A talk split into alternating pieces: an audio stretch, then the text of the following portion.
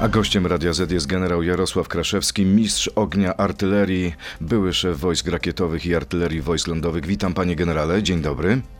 Dzień dobry panie redaktorze, dzień dobry państwu. Jeśli w rosyjskiej telewizji propagandowej rosyjski propagandysta mówi o tym, że trzeba dokonać egzekucji dowódców rosyjskich, to znak, że coś się dzieje. Co się dzieje?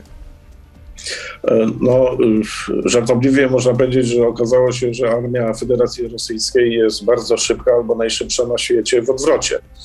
E, I odnoszą sromotną porażkę na tym froncie wschodnim, tutaj e, w rejonie Donbasu. Pododdziały i formacje ukraińskie uzyskały powodzenie, uzyskały duże tempo działania i w tej chwili Kreml, przede wszystkim Putin, zasiał zupełnie niepotrzebnie panikę wśród dowódców i generalicji y, tej rosyjskiej. Nikt nie będzie chciał e, być wyznaczonym na e, front ukraiński, bo albo to dymisja, albo przysłowiowa czapa.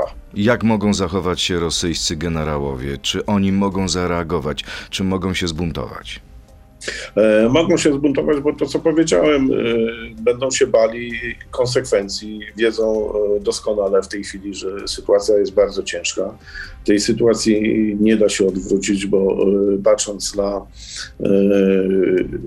filmy, które są dostarczane przez różne portale internetowe, wyposażenie żołnierzy rosyjskich, którzy teraz biorą udział w tej kontrofensywie, to ma się wrażenie, że Rosjanie użyli grup rekonstrukcyjnej, bo przecież te plecaki, e, broń i same mundury pochodzą z minionej epoki.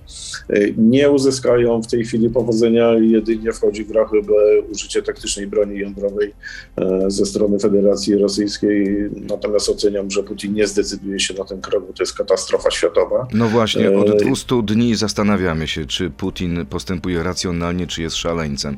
Czy można wcisnąć ten guzik? Czy to jest możliwe? E, wie pan, on nie musi wciskać tego guzika, bo e, nadal e, elektrownia atomowa w Zaporożu jest w rękach rosyjskich i tutaj od dawien dawna mówi się o tak zwanym kontrolowanym uwolnieniu obłoku radioaktywnego i w zależności od warunków pogodowych, przede wszystkim prędkości i kierunku wiatru, Rosjanie mogą zdecydować się na taki krok, czyli uwolnienie obłoku radioaktywnego z elektrowni Zaporożu. Nawet jeśli ten obłok popłynie w ich kierunku, na wschód? Ale to, panie redaktorze, oni się w ogóle nie liczą ze swoimi żołnierzami, więc y, dla nich to, czy to będzie wschód, czy zachód, czy północ, czy południe, nie ma najmniejszego znaczenia. Czyli ryzyko katastrofy nuklearnej jest większe niż użycie ładunku y, taktycznego?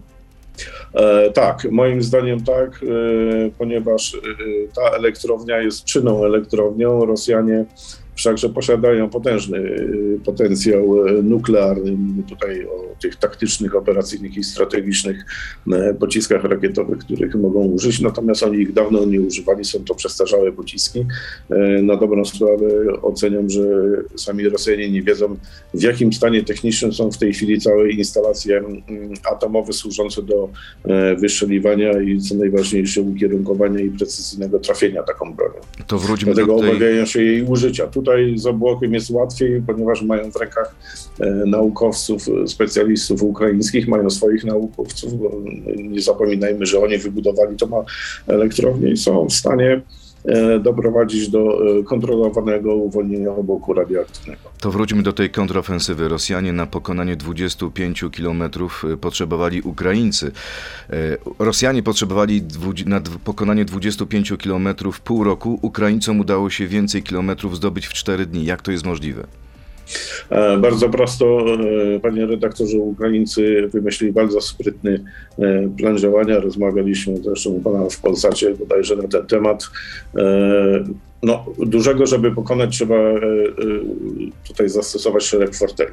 Ukraińcy zastosowali sprytnie połączone w logiczną całość fortele, począwszy od ataku na Krymie, wywołanie paniki, wywołanie strachu, kolejne ataki, kolejne doniesienia o E, uruchomieniu kontrofensywy e, tej hersońskiej. Rosjanie dokonują przegrupowania wojsk i wtedy następuje uderzenie z kierunku Charkowa.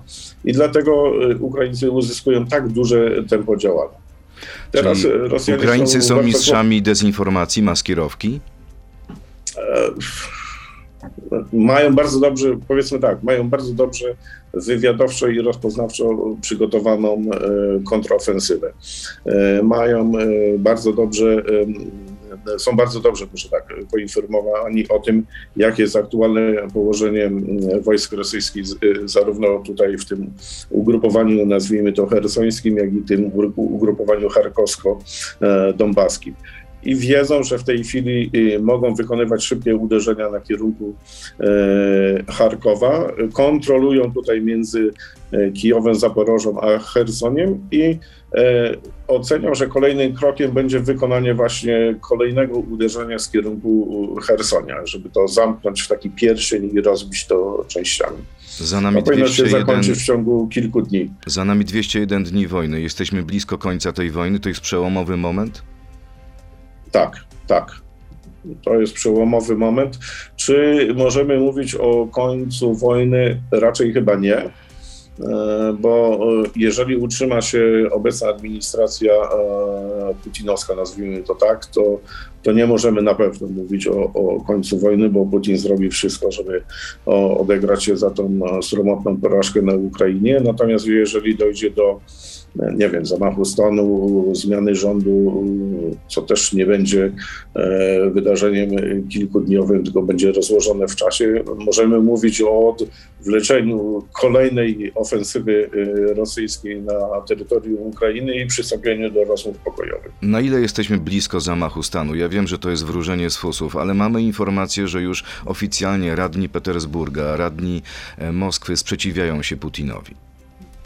No jesteśmy moim zdaniem, wszakże ja nie jestem politykiem, jesteśmy z wojskowego punktu widzenia jesteśmy bardzo blisko, bo e, tak jak pan redaktor zauważył na wstępie, generalicja jest wymieniana, w tej chwili jest popłoch wśród dowódców. Władze dużych aglomeracji miejskich zaczynają się buntować, więc kwestia jest tylko stanowiska oligarchii moskiewskiej i oligarchii rosyjskiej, w którym kierunku ona będzie chciała iść. Jeżeli będzie chciała iść w kierunku ratowania swoich e, majątków, e, zamach stanu jest kwestią. A jak wygląda kwestia odwetu? Wiemy już, że Putin uderzył w odwecie w Charków, uderza w infrastrukturę krytyczną. Kilka regionów nie miało tej nocy prądu, nie było też wody, no bo są pompy na prąd. Czy taka taktyka może być skuteczna i może sprawić, że Ukraińcy się cofną? Ukraińcy na pewno się nie cofną. Są tak zdeterminowani, żeby odzyskać utracone terytorium, przywrócić stan prze, sprzed 24 lutego tego roku. E, natomiast e, dobrym symptomem jest to, że Federacji Rosyjskiej kończy się amunicja precyzyjna, żeby wykonywać uderzenia na infrastrukturę krytyczną typu przepompownie, stacje filtrowania, elektrownie, stacje transformatorowe, potrzebna jest amunicja e, precyzyjnego rażenia. Rosjanie e, są już na wyczerpaniu z amunicją precyzyjnego rażenia i za chwilę okaże się, że nie będą mieli czym razić infrastruktury krytycznej, która E, będzie, od, która może odgrywać e, decydującą rolę w tej kontrofensywie. Natomiast no weźmy pod uwagę 200 dni e, konfliktu, Ukrain, Ukraińcy są permanentnie pod ostrzałem, permanentnie mają odcinane wodę, prąd, medycynę, paliwo i tak dalej. Są po prostu już do tego przyzwyczajeni. Czyli to ich nie złamie. To ich, no absolutnie. Ja byłem teraz na targach y, w Kielcach, spotkałem y, swoich kolegów, przyjaciół z Ukrainy i proszę mi wierzyć, determinacja tych ludzi jest tak ogromna, że aż trudno w to uwierzyć. A panie generale, jaka była rola w tym natarciu ukraińskim polskich czołgów? Bo jakaś chyba była.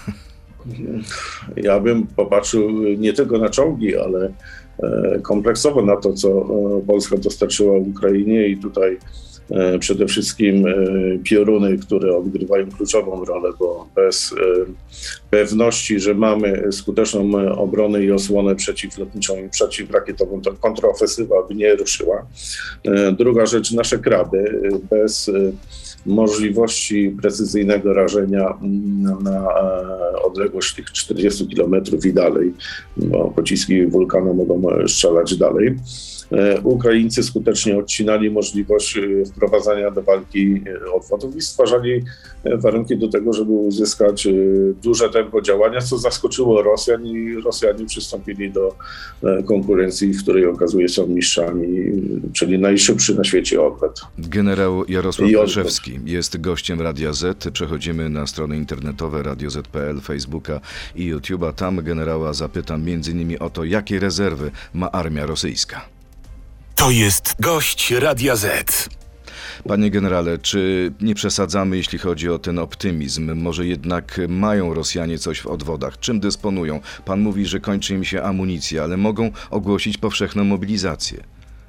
Nie no, bo panie redaktorze, Rosjanie mają potężne zasoby ludzkie, te przeszkolone, bo przecież tam cały czas e, funkcjonuje pobór. E, tylko trzeba się zastanowić właśnie e, na temat poziomu i jakości szkolenia, w jakim te jednostki funkcjonują. To po pierwsze. Po drugie, w co te jednostki są wyposażone i czy żołnierze są przygotowani do tego, żeby ten, tego sprzętu używać skutecznie na polu walki. Trzecia rzecz to jest zgranie, bo to, że żołnierz jest wyszkolony, nie oznacza, że jednostka jest zgrana. Na e, zgranie dywizji no, w warunkach polskich potrzeba od dwóch do czterech lat, bo to, to, to nie jest proces y, tygodnia, dwóch tygodni. No, to jest proces ciągły, y, później utrzymuje się zdolność, etc., etc. Y, czwarta rzecz to e, poziom zapasów logistycznych i tutaj oceniam, że Rosjanie powyciągali znaczącą część e, sprawnego sprzętu znajdującego się na magazynach i w tej chwili będą mieli znaczące problemy z tym, żeby po pierwsze przestawić e, gospodarkę swoją na tory wojenne, czyli cała produkcja idzie tylko i wyłącznie na potrzeby sił zbrojnych. Pod, kolejna rzecz, jeżeli już by osiągnęli jakiś poziom produkcji amunicji nowego uzbrojenia, ten sprzęt trzeba dostarczyć rejon teatru działań. E, to nie będzie takie łatwe. Panie generale, ale jak tak spojrzymy na te ostatnie dni, dlaczego poszło to wszystko tak łatwo? Dlaczego Rosjanie pękli? Dlaczego oni się nie bronili? Dlaczego nie uciekali? Dlaczego w panice porzucali sprzęt? Nie mają ochoty do walki, brak im motywacji, czy stwierdzili, że nie mają szans? E, panie redaktorze, od samego początku mówiono, że poziom morale wojsk Federacji Rosyjskiej jest bardzo niski. Nawet e, niektórzy oceniali, że on jest równy zero. E, po drugie, 200, 200 dni konfliktu zbrojnego, intensywnego konfliktu zbrojnego, no, na najbardziej twardym żołnierzu odciśnie piętno na jego psychice. Po trzecie, to co mówiliśmy na początku rozmowy, Ukraińcy zrobili Mm, i w Bambuko stosują szereg forteli i w tej chwili e, te pododdziały rosyjskie, które są w bezpośredniej styczności, zorientowały się, że no nie mają wsparcia. Jak nie mają wsparcia, to jeżeli nie ucieknę, to jedyną możliwością, jaka jest, to jest śmierć, bo bez amunicji, bez woli walki, no, żołnierz jest mało skuteczny na współczesnym polu działań bojowych. Ten efekt Także Bambuko nie byłby taki skuteczny, gdyby nie współpraca z Amerykanami, informacje dotyczące danych wywiadowczych, HIMARSy i inny sprzęt z Zachodu. Jaką rolę odegrał ten sprzęt? E, sprzęt odegrał bardzo dużą rolę, bo e, nie oszukujmy się, bez tego nowoczesnego wyposażenia, o którym pan redaktor wspomniał, Ukraińcy e, już dawno by przegrali tą wojnę. E, dzięki temu, że Zachód się zjednoczył, te relacje euroatlantyckie nabrały nowego znaczenia i politycznego, i gospodarczego, i przede wszystkim wojskowego. Wszyscy jednakowo stwierdzili, że bez pomocy Ukrainie, tej pomocy militarnej, tu mówimy o sprzęcie i o środkach bojowych, mam tu na myśli przede wszystkim amunicję i rakiety, E, Ukraina przegra. Jeżeli Ukraina przegra, no to wielu e, polityków i znawców e, polityki kremlowskiej wypowiadało się, że dojdzie do aneksji kolejnych państw. I tutaj wiemy wszyscy, że Putin wypatrzył sobie państwa, które nie są zrzeszone w żadnych sojuszach i innych układach, pozostają same na arenie tej geostrategicznej i takie państwa najłatwiej się atakuje. No i pytanie jest takie, czy to, co się dzieje na froncie, przełoży się na politykę, wielką politykę? Czy to sprawi, że tego sprzętu, tej broni będzie więcej? Jasne, że tak, bo jeżeli dojdziemy do okresu zimowego, on nadchodzi niewątpliwie, e, nastąpi deeskalacja działań bojowych, e, nastąpi przejście, no nie chcę powiedzieć e, tutaj per analogia do historii, do E, działań stricte charakteryzujących I wojnę światową, ale dynamika na pewno będzie bardzo mała. E, będzie to czas na to, żeby po pierwsze uzupełnić do takich potrzeb, żeby nie doszło do ponownego uderzenia mm, rosyjskiego na terytorium e, Ukrainy, nawet na wybranym odcinku. Po drugie, trzeba będzie już przystąpić do powolnego po pierwsze rozminowania terytorium e, Ukrainy, bo patrząc na e, zdjęcia z rozpoznania lotniczego, czy nawet z rozpoznania dronowego, to po pierwsze jest tam mnóstwo lejów po, po wybuchach e, artyleryjskich. Na dobrą sprawę nikt nie wie, ile pocisków wybuchło, ile pocisków pozostało jako tak zwane niewybuchy, więc te, te setki tysięcy hektarów trzeba po prostu przeczesać i przystąpić do, ponowne, do powolnego odbudowywania infrastruktury gospodarczej Ukrainy. Ale a propos, a propos tego ataku jeszcze kontrofensywy, gdzie było rosyjskie lotnictwo? E, no to rosyjskie lotnictwo jest na terytorium e, Ukrainy, ale strącone, a, a to, co e, pozostało Rosjanom do wykorzystania, nie jest na tyle nowoczesne, żeby przeciwstawić się i skutecznie działać w obliczu wykorzystania chociażby takich środków, jakim jest piorun.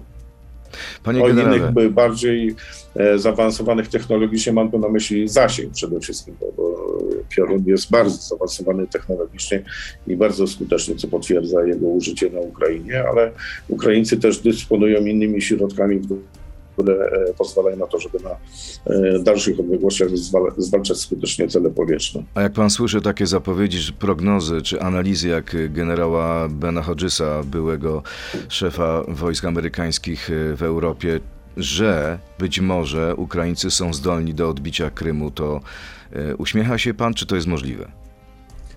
Panie redaktorze, to jest w tej chwili możliwe, bo wróćmy do tej E, mojej wypowiedzi, gdzie e, właśnie ten atak e, w bazie sił powietrznych na Krymie wywołał psychozę strachu. Kolejne akty dywersji i sabotażu zorganizowane przez Ukraińców spowodowały, że Rosjanie masowo zaczęli opuszczać E, Krym. Jeżeli teraz e, Rosjanie podejmą decyzję, żeby ratować sytuację w rejonie Donbasu, muszą przerzucić wojsk, wojska swoje z Krymu do, e, na ten front wschodni. Wejście na Krym będzie, tak jak to Amerykanie mówią, piece of cake.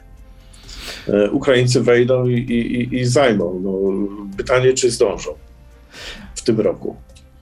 Właśnie, ile mamy tak naprawdę realnej walki? Jeszcze kilka tygodni? No bo przyjdzie no ja, zupełnie inna pora. Uwagę, biorąc pod uwagę realia pogodowo-terenowe, no to tak y, no, cztery tygodnie to już bym przesadził. Czyli Ukraińcy muszą się spieszyć też. Tak. Panie generale, to jeśli chodzi teraz sprawy polskie, pan zna generała Piotra Pytela? Znacie się? To znaczy wiem, kto to jest. Wie pan, kto to jest? Były szef służby kontrwywiadu wojskowego SKW. On w gazecie wyborczej e, powiedział tak: Rosja już tu jest, a jej największym sukcesem w Polsce jest prawo i sprawiedliwość. Co pan na to? Wie pan, e, ja zaznaczyłem, nie jestem politykiem. E, nie chcę oceniać, bo nie mam do tego kompetencji. Powiem tak, nie rozumiem tej wypowiedzi. Dziwię się, że nie znam osobiście pana generała Bytela, ale dziwię się, że, że, że to powiedział.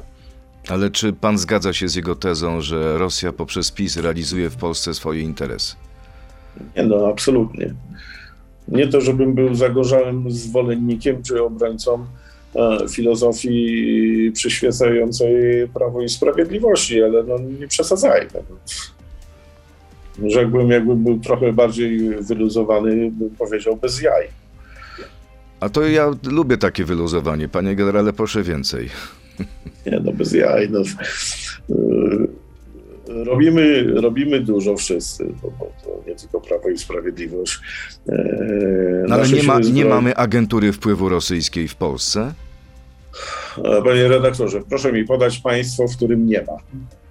A to jaka jest skala agentury rosyjskiej w Polsce, Pana zdaniem? No ona jest y, w tej chwili y, trochę mniejsza na pewno po tych y, różnych zabiegach. Ja nie jestem ekspertem też od, od spec służb, mimo pewnych doświadczeń, ale tu nie chodzi o to. W tej chwili i agencja wywiadu, nasza agencja wywiadu i, i służba wywiadu wojskowego na pewno informuje o tym, co się dzieje na zewnątrz kraju ale i przecież mamy sprawnie działające służby na terenie naszego kraju, które e, wychwytują no, agentów. Kwestia jest tego, no, mnie uczono i, i, czytałem wiele książek, że jak się złapie agenta, to absolutnie się o tym nie podaje tej wiadomości do e, forum publiku. A propos polskiej no to polityki. trzeba wykorzystać. A propos Słucham? polskiej polityki, a propos tego, co pan robił w przeszłości, co się z panem działo, pytanie od naszego słuchacza, Bronisław Duda.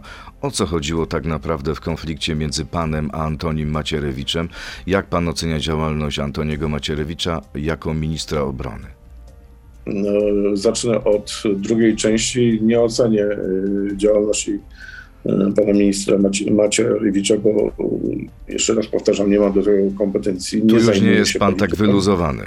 E, nie, jestem wyluzowany, to, ale tu nie chodzi o to. E, a o co chodziło? No, ja, ja osobiście odbieram to, byłem tym najsłabszym ogniwem w relacji mm, prezydent-minister obrony narodowej, w które było łatwo uderzyć. I uderzono? I uderzono. Żal panu tego, co było? No już e, skłamał był, e, byłbym, jakbym powiedział, że mi nie żal, absolutnie żal. Czyli krytyczny jest pan wobec Antoniego Macierewicza. E, znaczy, może inaczej. Żal mi tego, że dalej nie służę, żebyśmy się rozumieli. No właśnie, jest pan młodym człowiekiem. Ma pan 54 lata, dobrze pamiętam? Tak, tak. Czyli przydałoby się, żeby ta służba wciąż była czynna w Polsce. Ale nie jest. No, tu, panie redaktorze, akurat y, mogę powiedzieć, że dalej służę ojczyźnie, trochę inaczej, bo zajmuję się obszarem, który jest jeszcze mało definiowany w Polsce. Jest to obszar e, zarządzania mm, e, ruchem bezpilotowców. E, działamy na kierunku też medycyny lotniczej. Chcemy wprowadzić w najbliższym czasie systemy do bardzo szybkiego transportu organów do transplantologii tutaj na bazie Śląskiego Centrum Chorób Serca, także ma pan no lepiej byłoby zajmować. to robić w mundurze. No właśnie. Niż w garniturze, ale. A wracając do, te, wracając do tego wieku, nie wypominając panu oczywiście, generałowie ukraińscy to są ludzie z roczników lata 70. Generał Załużny to jest młody, młodszy od pana 49-letni generał. Jak pan ocenia e, ich kompetencje? I skąd e... oni to wszystko wiedzą? E, panie redaktorze, ja już wcześniej się wypowiadałem na ten temat, nie chciałbym się powtarzać, ale przypomnę przede wszystkim wszystkim tym, którzy nas oglądają. E, Ukraińcy zrobili bardzo znaczący e, postęp w edukacji swoich kadr dowódczych po 2014 roku, ale nie zapominajmy doświadczeń sprzed tego czasu, bo i mieliśmy polsko-ukraiński batalion, który był, e, brał udział w, w, misji pokojowej. E, mamy nadal e, polsko-ukraińsko-litewską brygadę, która stacjonuje e, w Lublinie, której było mi dane nawet dowodzić tą brygadą. Mieliśmy Ukraińców ze sobą w Iraku. E, przez e, kilka zmian. E, Ukraińcy też bardzo dużo swoich młodych ludzi wysyłają na różnego rodzaju akademie wojskowe do Stanów Zjednoczonych i Kanady i te dwa państwa też bardzo dużo robią na terytorium Ukrainy. Ukraińcy od dawien dawna, od, kiedy ja pamiętam, będąc pierwszy raz w 2001 roku, cyklicznie organizowali takie ćwiczenie Peace Shield, E, na którym e, zjeżdżały się, zjeżdżało się mnóstwo państw, które z Ukraińcami się wymieniali doświadczeniami. Czyli można Natomiast powiedzieć, że Ukraińcy uczyli się od nas. Czy my dzisiaj powinniśmy się uczyć od nich? Absolutnie tak. Absolutnie tak. Do tego zmierzam, bo kiedyś takim głównym parametrem i wskaźnikiem e, świadczącym o tym, czy żołnierz się nadaje na kolejne wyższe stanowisko e, służbowe, było właśnie doświadczenie bojowe. E, Później, jak przeszliśmy w czas e, pokoju, to generał Skrzypczak wielokrotnie podkreśla, to były, jak byłem dowódcą batalionu, to czy miałeś, brałeś batalionem udział w ćwiczeniu, które było dla ciebie przygotowane i tam cię oceniono, czy brałeś udział w inspekcji.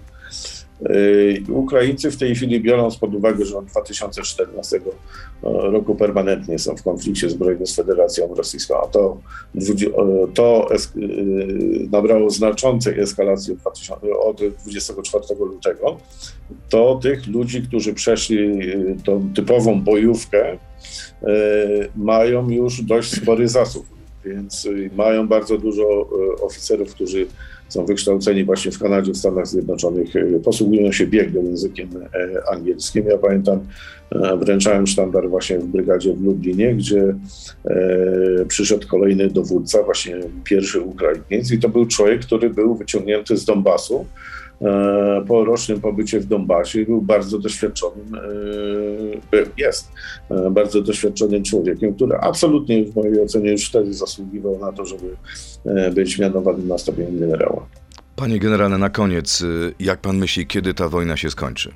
Jak ona się skończy?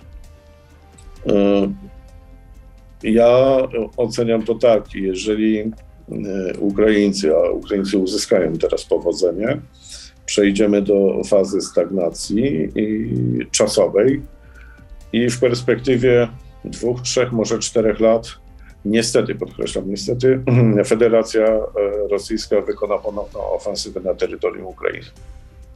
A teraz, czy jest szansa na odbicie Ługańska, Doniecka? Mówi się, że jeśli jedno z tych miast wejdzie, wpadnie w ręce Ukraińców, to wtedy Ukraińcy mogą przystąpić do poważnych rokowań pokojowych. E, Tak, tylko e, pytanie, panie redaktorze, jest na ile my, na ile Ukraińcy przede wszystkim, możemy wierzyć e, w deklaracje, które będą składane przez delegację Federacji Rosyjskiej, bo przecież pamiętamy, bodajże w Lwowie odbywały się, nie, przepraszam, pod granicą białoruską rozmowy, gdzie miało być kompletne zawie- zawieszenie broni, a w tym czasie, jak delegacje siedziały przy stole, Federacja Rosyjska dalej atakowała. Ale co musi się stać na polu walki, żeby Rosjanie y, rzeczywiście siedli do tych rokowań? Poważnych. E, No na pewno jak utracą e, znaczącą część e, Donbasu, czyli Ukraińcy wejdą do Doniecka i do Ługańska i zbliżą się e, do granicy, a może i nawet wejdą już na ten teren e, Krymu, Rosjanie przystąpią do rozmów pokojowych. Oby tak właśnie było. Bardzo dziękuję. Generał Jarosław Kraszewski, były szef wojsk rakietowych i artylerii wojsk lądowych. Dziękuję panie generale. Miłego dnia. Dziękuję, Dziękuję do państwu. widzenia. Do usłyszenia. To był gość Radia Z. Słuchaj codziennie w Radio Z i na player radioz.pl.